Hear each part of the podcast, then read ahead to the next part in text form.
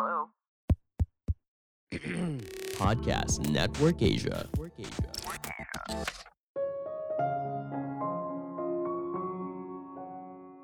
Tiap orang punya bias dalam mengambil sebuah keputusan.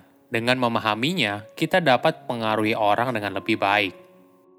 Halo semuanya, nama saya Michael. Selamat datang di podcast saya, Sikutu Buku. Kali ini saya akan bahas buku The Choice Factory karya Richard Shelton. Sebagai informasi, podcast Sikutu Buku sekarang bergabung dengan Podcast Network Asia dan Podmetrics loh. Sebelum kita mulai, buat kalian yang mau support podcast ini agar terus berkarya, caranya gampang banget. Kalian cukup klik follow. Dukungan kalian membantu banget supaya kita bisa rutin posting dan bersama-sama belajar di podcast ini. Buku ini membahas soal bias yang muncul di setiap keputusan yang kita ambil. Setiap hari, kita membuat puluhan bahkan ratusan keputusan. Mulai dari keputusan kecil, misalnya mau makan apa pagi ini, hingga keputusan besar seperti rencana karir tiga tahun mendatang. Membuat keputusan memang tidak mudah, kadang melelahkan. Itulah yang membuat kebanyakan orang mengambil jalan singkat, sehingga bisa mengambil keputusan dengan cepat dan efisien. Proses pengambilan keputusan juga cenderung mengalami bias dalam berpikir. Richard menuliskan 25 bias dalam perilaku yang dapat mengaruhi keputusan seorang. Saya merangkumnya menjadi tiga hal penting dari buku ini. Pertama, cara menggunakan teori psikologi. Richard mulai tertarik soal perilaku manusia secara ilmiah ketika bekerja sebagai media planner untuk proyek NHS Give Blood pada tahun 2004. Saat itu, Richard tiba-tiba membaca soal kisah dari Kitty Genovis. Pada suatu malam di tahun 1964, Kitty diserang di tengah pagi oleh seorang psikopat sehabis pulang bekerja. Sebagai informasi, Kitty merupakan manajer di sebuah bar di New York. Hasil otopsi menunjukkan Kitty diperkosa dan ditusuk 13 kali dengan pisau. Mirisnya lagi, 38 saksi mengaku mendengar dan melihat Kitty diserang, tapi tidak ada satupun yang membantunya. Psikolog lalu menyebut kejadian ini sebagai bystander effect. Konsep ini menjelaskan kecenderungan orang lain untuk tidak membantu korban ketika ada orang lain di sana.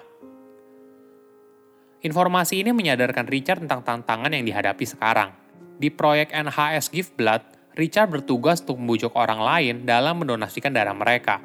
Namun sayangnya, tidak cukup banyak orang yang melakukan hal tersebut. Dia pun punya ide untuk mengubah cara berkomunikasinya. Dari iklan awalnya yang bilang Inggris sedang kekurangan darah, kemudian diganti menjadi stok darah sedikit di Brentwood atau stok darah sedikit di Cardiff, tergantung di mana iklan itu ditempatkan. Hasilnya ternyata sangat bagus Dua minggu kemudian, terjadi peningkatan 10% atas biaya per donasi darah. Richard kaget atas hasilnya. Dia tidak menyangka, ternyata teori ilmiah yang diciptakan para psikolog hebat mampu membantunya untuk memberikan solusi kepada para klien. Apabila temuan ilmiah soal perilaku manusia begitu efektif, kenapa jarang digunakan dalam ilmu marketing atau periklanan? Jawabannya sederhana, Seringkali, ide untuk menggunakan temuan ilmiah berhenti ketika tim marketing memutuskan untuk menggunakan survei sebagai cara mereka untuk mengambil keputusan. Mereka bertanya kepada konsumen, mana yang mereka sukai. Padahal, konsumen tidak mengatakan apa yang mereka pikirkan, apa yang mereka rasakan, atau apa yang mereka ucapkan. Contohnya seperti ini. Sebuah riset mengumpulkan sekelompok siswa dan bertanya, pesan untuk menggunakan kembali handuk yang mereka pakai mana yang paling efektif untuk ditulis di dalam sebuah kamar hotel. Mayoritas bilang kalau ada pesan lingkungan. Kenyataannya tidak begitu. Ini yang membuat Richard bilang kalau kita terlalu naif apabila mempercayai apa yang tertulis di dalam sebuah survei. Yang jauh lebih penting, kita harus mengamati apa yang konsumen lakukan. Kedua, social proof. Secara tidak sadar, kita terpengaruh oleh orang lain, Semakin besar kita menganggap orang itu penting, maka pengaruhnya akan semakin besar. Ini adalah konsep dari social proof. Kita akan meniru perilaku orang lain di saat kita merasa tidak yakin. Kita membutuhkan konfirmasi dari orang lain tentang bagaimana kita seharusnya berpikir dan berperilaku. Sebagai konsumen, kita sering kali terpapar dengan konsep ini secara tidak sadar. Contohnya begini, label di sebuah produk yang menuliskan produk terlaris atau produk populer Secara tidak langsung, hal ini akan pengaruh kita dalam melakukan pembelian. Bagaimana cara kita menggunakan teknik ini dalam berjualan? Pertama, tunjukkan kalau produk kita populer. Ini adalah taktik yang mudah dilakukan. Misalnya seperti ini. 8 dari 10 anjing menyukai Alabama dog food. Hal ini akan mempengaruhi para pemilik anjing kalau mereka memilih merek yang tepat, karena pemilik anjing lain menyukai merek tersebut. Tips lain yaitu dengan meminta review dari influencers atau liputan di media massa. Hal ini akan meningkatkan kredibilitas dari produk yang kamu jual. Kedua, gunakan klaim yang spesifik. Ada contoh yang menarik dari Costa, sebuah gerai kopi terbesar di UK. Mereka konsisten membuat iklan yang spesifik bagi peminum kopi, bukan peminum secara umum. Hal ini membuat iklan mereka menarik dan relevan, bahkan bagi orang yang menganggap dirinya hanya sebagai penikmat sebuah surat kabar melaporkan kenaikan 5,5% dari kampanye iklan tersebut. Tentu saja, ini hasil yang cukup memuaskan dari sebuah perusahaan kopi yang besar. Ketiga, berpikir kreatif. Bagaimana bila perusahaan kamu bukanlah pemimpin pasar dan punya produk yang populer? Apakah artinya kamu tidak bisa menggunakan social proof? Tentu saja tidak. Kamu perlu berpikir kreatif dan menciptakan ilusi populer. Pada tahun 2001, Apple meluncurkan iPod, di mana saat itu sudah banyak produsen MP3 player. Nah, apa yang buatnya sukses? Salah satunya ternyata earphone iPod yang berwarna putih. Warnanya sangat kontras dari kebanyakan earphone yang dikeluarkan produsen MP3 player saat itu yang berwarna hitam. Ketika seorang konsumen mendengarkan MP3 player merek lainnya, MP3 player itu disimpan di dalam kantong, jadi tidak mudah terlihat. Beda cerita dengan iPod, orang lain bisa melihat ketika seorang mendengarkan iPod, yaitu dengan mengenali earphone yang berwarna putih. Ketiga, pratfall effect. Tadi kita membahas kalau kita perlu membuat merek kita populer dan membuat ilusi kalau produk kita digunakan oleh banyak orang.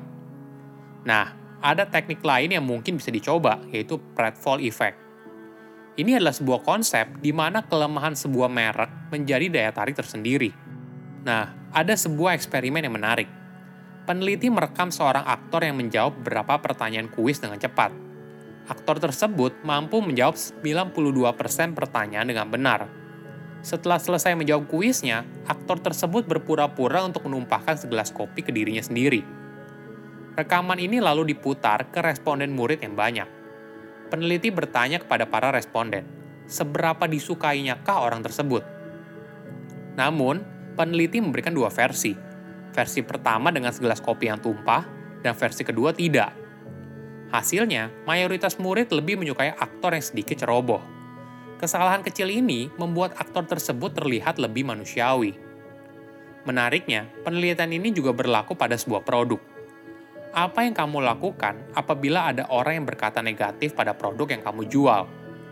Kebanyakan orang kesal dan berusaha menghapusnya. Namun fakta menunjukkan mayoritas orang tidak membeli produk dengan rating sempurna 5 per 5. Namun, mereka membeli di kisaran 4.2 hingga 4.5. Ketika rating sebuah produk terlalu sempurna, hal ini malah membuat calon konsumen menjadi tidak percaya. Sebaliknya, ketika ada rating negatif atau kesalahan kecilnya, hal ini menumbuhkan kepercayaan di benak konsumen dan mereka pun paham kalau tidak ada produk yang sempurna. Jangan dengarkan apa yang konsumen katakan, tapi lihat apa yang mereka lakukan. Seringkali, apa yang konsumen lakukan berbeda dengan apa yang dia katakan. Saya undur diri, jangan lupa follow podcast Sikutu Buku. Bye-bye. Pandangan dan opini yang disampaikan oleh kreator podcast, host, dan tamu tidak mencerminkan kebijakan resmi dan bagian dari podcast Network Asia. Setiap konten yang disampaikan mereka di dalam podcast adalah opini mereka sendiri dan tidak bermaksud untuk merugikan agama, grup etnik, perkumpulan, organisasi, perusahaan, perorangan, atau siapa pun dan apa pun.